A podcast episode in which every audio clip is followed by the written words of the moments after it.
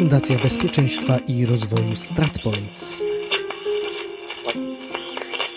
Zobacz, przyszłość zaczyna się wczoraj. Wojna ukraińsko-rosyjska trwa już blisko rok.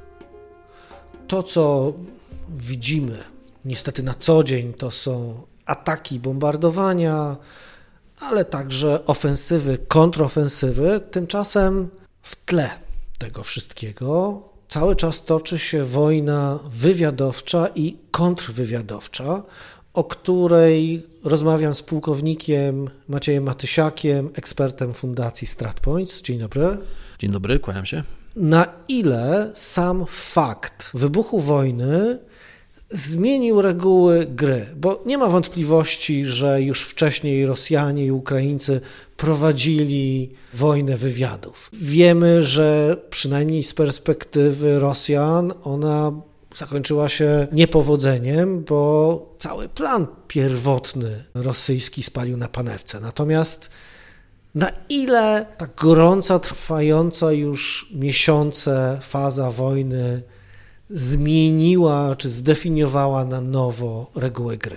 Mówi się w służbach specjalnych, czyli w wywiadzie, kontrwywiadzie, szeroko rozumianym jako intelligence, o tym, że nie ma nigdy czasu pokoju, co jest prawdą i też nie do końca. Mówimy też, że każda wojna zaczyna się przed wojną. Działania wywiadów i kontrwywiadów w odróżnieniu od działań sił zbrojnych praktycznie nigdy nie toczą się na mapach, na planszetach planistów, zawsze toczą się w przestrzeni jakiejś. Zawsze działamy na serio. Wywiad nigdy nie śpi. Kiedyś było takie hasło: uważaj, wróg podsłuchuje. I parafrazując, de facto tak jest. Natomiast um, okres wojny, konfliktu zbrojnego diametralnie zmienia priorytety, wzmaga działania tych służb, bo bez ich działania politycy, decydenci, ale także dowódcy bo to oni wtedy odgrywają pierwszoplanową rolę, są ograniczeni, nie mają tak zwanych oczu i uszu, ale także są wydani na pastwę wtedy już działających bardzo agresywnie, o wiele agresywniej służb specjalnych i wywiadowczych i kontrwywiadowczych przeciwnika. Możemy powiedzieć, że jeżeli chodzi o konflikt, o agresję Rosji na Ukrainę, ona zaczęła się zdecydowanie wcześniej. Tym bardziej, biorąc pod uwagę specyfikę tego konfliktu. Ten konflikt jest praktycznie pierwszym, który toczy się na polach, na których jeszcze się konflikty nie toczyły. Mamy tutaj pole cyberprzestrzeni. Nikt do tej pory nie walczył oficjalnie z otwartą przyłbicą na tym polu, chociaż nieoficjalnie oczywiście te działania były prowadzone, ale nikt nie prowadził w takiej skali działań w zakresie informacyjnym. Mówimy o wojnie informacyjnej. I ta wojna informacyjna toczy się w przestrzeni otwartej, ale także w przestrzeni służb specjalnych, gdzie oddziaływanie nie jest tak oczywiste. Czy zgodzi się Pan z tym twierdzeniem, od którego zacząłem, że Rosjanie przegrali przynajmniej pierwsze rozdanie tej e, otwartej fazy konfliktu, także w obszarze wywiadowczym, bo okazało się, że kompletnie się przeliczyli i nie byli w stanie osiągnąć żadnych z założonych, z wymyślonych celów. I nikt nie szacował tak dużej słabości sił rosyjskich, w tym także w zakresie i obszarze służb specjalnych. Zawsze mówiło się, że rosyjskie służby specjalne są sprawne, działają, mają dobry wgląd w sytuację. Okazało się, że nie. W mojej ocenie, w mojej opinii jest to efekt wewnętrznej degeneracji systemu, gdzie służby specjalne rosyjskie zaczęły działać nie oceniając trzeźwo sytuację, obiektywnie, tylko zaczęły oceniać sytuację na podstawie fałszywych przesłanek i formułowanych pod tezę wymogów. To znaczy, ja uważam, że Rosja przegrała swoje cele już w dużej części na Ukrainie, dlatego, że jest ofiarą swoich tak zwanych sukcesów w konfliktach lokalnych, które toczyła z przeciwnikiem kompletnie niewymagającym, słabszym w każdym zakresie.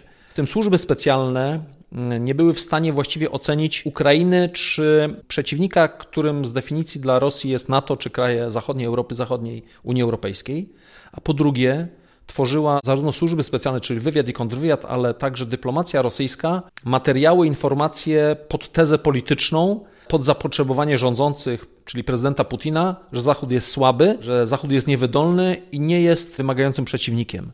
To uważam były główne błędy, które zaskutkowały później tym, co widzimy, czyli nawet decyzją o samym konflikcie, czy o świadomości, czy nieświadomości słabości własnych sił zbrojnych, bo za to odpowiada kontrwywiad również, za trzeźwą ocenę tak zwanej zdolności własnych sił zbrojnych do działania. To jest wina kontrwywiadu. A w tej sytuacji jak oceni pan rolę i miejsce kontrwywiadu i wywiadu Ukrainy? Czy Ukraińcy odnieśli sukces słabością Rosjan, czy sami okazało się, że byli doskonale przygotowani i w którymś momencie zwiedli, oszukali wroga? Uważam, że jedno i drugie, bo oczywiście ten przeciwnik okazał się zdecydowanie słabszy, działający na fałszywych przesłankach. Tutaj trzeba by odnieść się do Ukrainy pomiędzy rokiem 2014 a rokiem 2022. Jeżeli chodzi o służby specjalne, armię, czy w każdym zakresie społeczeństwo ukraińskie, to nie jest to samo społeczeństwo, które zostało ofiarą inwazji Rosji w roku 2014. Ten moment pokazał Ukraińcom, jak słabą armię, jak niewydolny system państwowy i słabe służby specjalne posiadają. Tu mogę jasno i wyraźnie powiedzieć, że przez nasze służby specjalne, a byłem zastępcą szefa jednej z nich, służby kontrwywiadowczej, Oficerowie ukraińscy byli przez nas postrzegani jako niewiele różniący się od oficerów rosyjskich, jako służby zinwigilowane przez Rosjan, będące pod wpływem i absolutnie nie mogących być darzonym żadnym zaufaniem. Na pewno nie będących absolutnie żadnymi partnerami do otwartych działań, wymiany informacji czy współpracy.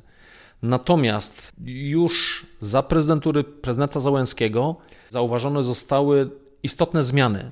Te służby uległy dość znacznym modyfikacjom strukturalnym, ale także wymianą kadr. One na pewno nie udały się efektywnie i nie zostały dokonane efektywnie do końca, ale to spowodowało, że ten trend taki mentalny rosyjski został zmieniony. Postawiono na dość silne działanie w obszarze informacyjnym, informatycznym, cyberprzestrzeni, ale także pragmatyczne podejście do zagadnienia. W końcu służby ukraińskie zaczęły definiować właściwie swojego przeciwnika, którym jest Rosja. I rozpoczęły działania ofensywne na kierunku rosyjskim. W związku z powyższym to jest w części efekt działania służb ukraińskich, które w jakimś stopniu zostały zreformowane i zaczęły budować swoje zdolności operacyjne i zasoby.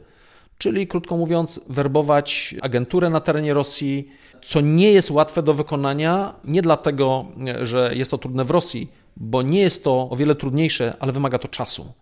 I ten czas nie został przez Ukraińców stracony. I to jest między innymi tego efekt. Jak w tej sytuacji wygląda przygotowanie NATO do tej wojny? Przygotowanie wywiadowcze i kontrwywiadowcze. Zacznijmy od e, obszaru publicznego. Jeśli chodzi o NATO, to trzeba zrozumieć, że NATO właściwie nie posiada organizacji wywiadowczych i kontrwywiadowczych które mamy w głowie, które sobie wyobrażamy. Składnikiem działań wywiadowczych i kontrwywiadowczych NATO są działania wszystkich wywiadów i kontrwywiadów krajów członkowskich, gdzie istotną rolę odgrywają oczywiście Stany Zjednoczone, ale nie tylko. To zależy, jaka służba danego kraju, w jakim zakresie chce, może, dzieli się informacjami. Nie mamy oficerów wywiadu działających agenturalnie tylko dla struktury natowskiej, jako takiej, dla dowództwa NATO. To nie istnieje. Mamy służbę, co prawda, kontrwywiadowczą, ale to wynika z innej specyfiki i tutaj ja nie mieszałbym tych dwóch tematów. W związku z powyższym, y, jeżeli mówimy o wywiadzie czy kontrwywiadzie NATO, są to organizacje, które kolekcjonują informacje, podają jakiejś analizie i wysuwają wnioski, ale dla potrzeb politycznych i ogólnowojskowych, ale one się rodzą i powstają z wymiany zasilania przez informacje tych wywiadów i kontrwywiadów, które funkcjonują w ramach państw członkowskich. W związku z powyższym e, w NATO był, było też widać rozdźwięk w ocenie zagrożenia wojną na Ukrainie w różnych krajach. I tutaj następował taki silny głos Stanów Zjednoczonych, czyli de facto wywiadu. Czy to były informacje wywiadu cywilnego czy wojskowego, nie ma jakby większego znaczenia, ale przekaz był jasny. Amerykański od początku, bardzo ryzykowny zresztą, wielu tak to oceniało, bo najczęściej e, kraje, wywiady tak głośno nie oznajmiają swojego stanowiska. Amerykanie powiedzieli wyraźnie: tak, dojdzie do napaści i wojny na Ukrainie. Było to bardzo ryzykowne. Sprawdziło się, co oznacza, że ten przegląd sytuacji w zakresie pozyskania informacji wywiadu amerykańskiego, ale także oceny i analizy sytuacji na wszystkich polach źródeł otwartych, politycznych, e, e, społecznych był dobry. E, tutaj niestety muszę przyznać, że nie było podobnych komunikatów ze strony jakiegokolwiek kraju członkowskiego NATO. Wręcz przeciwnie, były tutaj raczej takie opinie zachowawcze, kierujące się nadzieją, i ten głos absolutnie nie, wybrzmiał. W związku z powyższym, jak porównujemy sytuację w zakresie działań wywiadowczych, powiedzmy NATO czy krajów członkowskich NATO, bo ja tylko rozumiem, jak e, słyszę w przestrzeni informacyjnej wywiad NATO, to widzę od razu wywiady Polski, Stanów Zjednoczonych, Niemiec, Francji, e, Wielkiej Brytanii czy innych krajów współpracując ze sobą, bo, bo, bo nie ma czegoś takiego jak wywiad operacyjny NATO. On jest diametralnie różny przed 24 lutego i kompletnie różny po 24 lutego. Na czym polegają te różnice? Te różnice polegają przede wszystkim z mojego punktu widzenia na tym, że jak to się mówi, czynnik polityczny przejrzał na oczy i pozwolił działać e, merytorycznie fachowcom. To się wydaje dziwne w ramach krajów natowskich, ale tak niestety jest. Służby działają pod dyktando i zapotrzebowanie polityków. Działają bardziej w tych kierunkach, w których politycy określają całą paletę zadań i czasami działają też pod tezę, tendencyjnie, czyli pod nastroje, które panują w e, gremiach decyzyjnych, a tym są gremia polityczne. Nigdy służby specjalne, mimo beletrystycznego podejścia, sprawowania przez nie jakiejś wyimaginowanej władzy, tak się nie dzieje. To jest raczej fabuła jak rzeczywistość, a jeżeli fabuła się z rzeczywistością gdzieś spotyka, to znaczy, że system nie działa i następuje jakaś destrukcja i zachwianie proporcji.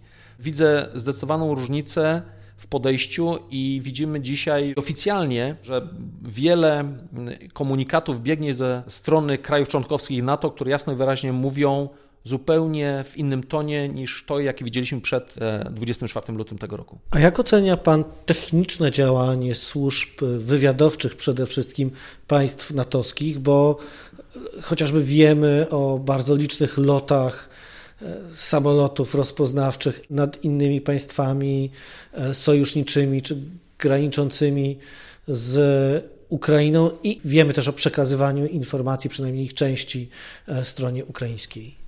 Tutaj zdecydowanie e, politycy, ja to mogę powiedzieć, spuścili ze smyczy wszystkie swoje zasoby wywiadowcze. Jeśli mówimy o takim bardzo zobrazowanym działaniu w postaci lotów czy, czy działań w obszarze cyber, to mówimy o bardzo silnym wykorzystaniu i dużym znaczeniu o wiele większym niż działanie operacyjne, agenturalne, takich narzędzi jak OSINT, czyli Open Source Intelligence, korzystanie z źródeł otwartych, ale także z rozpoznania wywiadu elektronicznego, czyli Signal Intelligence, czyli SIGINT-u. Jeśli widzimy samoloty latające bądź pojazdy do namierzania, zbierania informacji, to mówimy o SIGINTie, czyli prowadzeniu nasłuchu radioelektronicznego w zakresie transmisji radiowych, w zakresie fal krótkich, ultrakrótkich. Mówimy tu o nasłuchach korespondencji telefonii komórkowej, także wymiany informacji, o bitach informacji, ale także telefonii satelitarnej. Nie tylko co do treści, ale też przemieszczania się. Tu takim zobrazowaniem może być działanie takiego systemu Google Maps. Google Maps działa i pokazuje nam, gdzie jest tłok, po tym, ile komórek się przemieszcza wolniej, szybciej. W związku z powyższym to pozycjonowanie, do którego logują się poszczególne aparaty, także żołnierzy rosyjskich, którzy je używają, służą do takiego rozpoznania, która mówi nam, że jest tam zgrupowanie, do tego pozyskanie zdjęć ze źródeł otwartych, które pozwala na zlokalizowanie poszczególnych, identyfikację osób, słynne chociażby zidentyfikowanie zbrodniarzy z Buczy czy Izumu, gdzie można było zidentyfikować zmianę nazwiska poszczególnych żołnierzy rosyjskich, ale także z prowadzenia transmisji przez wojska rosyjskie, które korzystają e, w sposób e, nie chcę powiedzieć prymitywny, ale mniej zaawansowany i mniej świadomy z tych narzędzi, same ujawniając swoje działanie. Także obszarów tutaj jest mnóstwo i one obecnie działają w pełnym zakresie, także w zakresie zabezpieczenia chociażby operacji logistycznej, bezpieczeństwa tej operacji logistycznej na terenie Polski. Skoro mówimy o Polsce, wspomniał Pan o tym, że następuje gwałtowna zmiana w pracy wywiadu między pracą w czasie pokoju i czasie wojny. Polski wywiad działa obecnie w warunkach wojennych czy pokojowych? Bezsprzecznie w warunkach wojennych. E, ja lansuje tezę, że my właściwie jesteśmy w stanie wojny z Rosją, tylko nie widzimy żołnierzy polskich faktycznie, fizycznie walczących na terenie Ukrainy. Poza tym walczy tam polskie uzbrojenie, walczy tam polska pomoc, polska amunicja. Przesyłamy tam paliwo, wspieramy Ukrainę w zakresie uchodźczym, humanitarnym, energetycznym, finansowym. W związku z powyższym no, trudno sobie wyobrazić coś więcej oprócz fizycznego bycia. Natomiast z tego tytułu i pełnej świadomości wszystkich, że Polska spełnia głównie z przyczyn geograficznych bardzo istotną funkcję w zabezpieczeniu, zapewnieniu dostaw do Ukrainy, czyli odniesienia sukcesu, bo bez tych dostaw Ukraina nie jest w stanie sobie sama poradzić. Z punktu widzenia Rosjan, Polska jest istotnym obszarem, na którym bezwzględnie trzeba prowadzić działania wywiadowcze, działania sabotażowe, działania dywersyjne, dezinformacyjne, operacje wpływu. W związku z powyższym, no trudno sobie wyobrazić dla wywiadu coś więcej niż konflikt zbrojny. W związku z powyższym organizacje wywiadowcze, a szczególnie kontrwywiadowcze, powinny, i mam nadzieję, że tak robią, w pełnym zakresie prowadzą działania przeciwdziałające działaniu rosyjskiego wywiadu czy jakichkolwiek innych służb rosyjskich. Co to znaczy pełny zakres działań kontrwywiadowczych? To znaczy, że rządzący w Polsce powinni liczyć się z pełnym aspektem działań Rosji. To znaczy, że mają świadomość, iż Rosjanie w sposób wzmożony pozyskują informacje, dokonują werbunków czy prób werbunków osób celem pozyskania informacji o wszelkich działaniach żołnierzy e, Wojska Polskiego, e, wszystkich krajów natowskich, całej infrastruktury zaangażowanej w pomoc Ukrainie, także nastroje społeczne, możliwość wykorzystania tych nastrojów do przeciwdziałania takim działaniom, co sprzyja chociażby mm, lepszemu pozyskaniu informacji i chęcią do współpracy obywateli Polski na niekorzyść, czy to Ukrainy, czy na korzyść Rosji. W związku z powyższym władze powinny postawić wszystkie służby bezpieczeństwa, od kontrwywiadów i wywiadów zaczynając po policji, straży pożarnej, wojsku czy jakiekolwiek inne służby w stan wzmożonej gotowości. Mi osobiście bardzo brakuje podnoszenia takiej świadomości społecznej, która jest bardzo ważna. Obywatel polski kieruje się oglądem fizycznym, więc fizycznie Rosjanin nie różni się specjalnie od Polaka.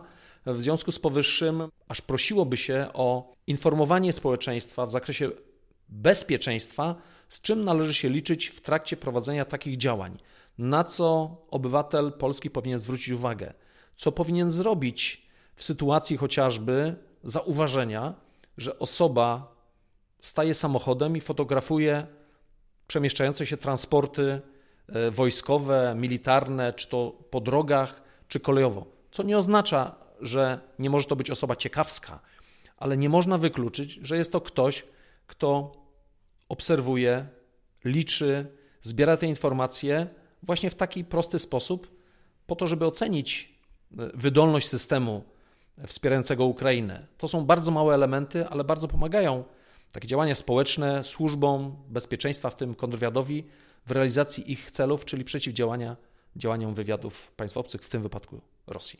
Jak te zmagania wywiadowcze, kontrwywiadowcze mogą się Pana zdaniem rozwijać w przyszłości? To znaczy, możemy się spodziewać większego nasilenia prób sabotażu rosyjskiego w Polsce, a może zostaniemy w obszarze cyberataków? Uważam, że jedno i drugie. Łatwiejszym dla Rosji będzie oddziaływanie przez sieć, bo nie wymaga zaangażowania sił fizycznych. Ale z tak zwanego modus operandi służb rosyjskich wiemy dokładnie, że Rosjanie zawsze stawiali na oddziaływanie fizyczne w krajach przeciwników.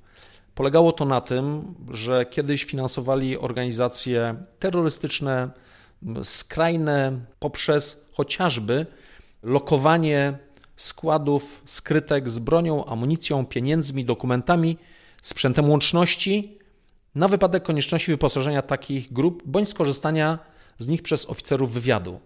Takie skrytki lokowali w całej Europie Zachodniej, niewykluczone, że także na terenie Polski. Widzimy dzisiaj e, różne sytuacje, jak chociażby ostatnio w Niemczech, przecięcie kabli światłowodowych na kolejach niemieckich. Do dziś nie wiemy, bo nie widziałem komunikatu, czy to nie było działanie celowe, mające siać niepokój, zamieszanie w transporcie publicznym niemieckim. Widzieliśmy wcześniej ataki rosyjskie na infrastrukturę w krajach bałtyckich cyberatakami. Ale widzieliśmy równie dobrze zabójstwa na zlecenie przez, realizowane przez wywiady rosyjskie, ale też wysadzenie fabryki amunicji w Czechach. Więc Rosjan stać na takie działania. Będzie to zależeć od tego, jak zdesperowani będą i jak im nie pójdzie na froncie.